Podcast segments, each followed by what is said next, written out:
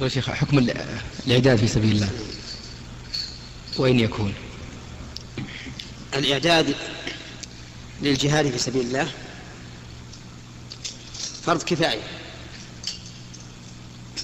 والمخاطب بذلك ولاة الأمور. لقوله تعالى وأعدوا لهم ما استطعتم من قوة ويكون في أحسن موضع. يكون في أحسن موضع يتلقى فيه هذا الإعداد. ولكن كما قلت لك يخاطب بذلك ولاة الأمور. أما أفراد الناس فهم لا يستطيعون في الغالب.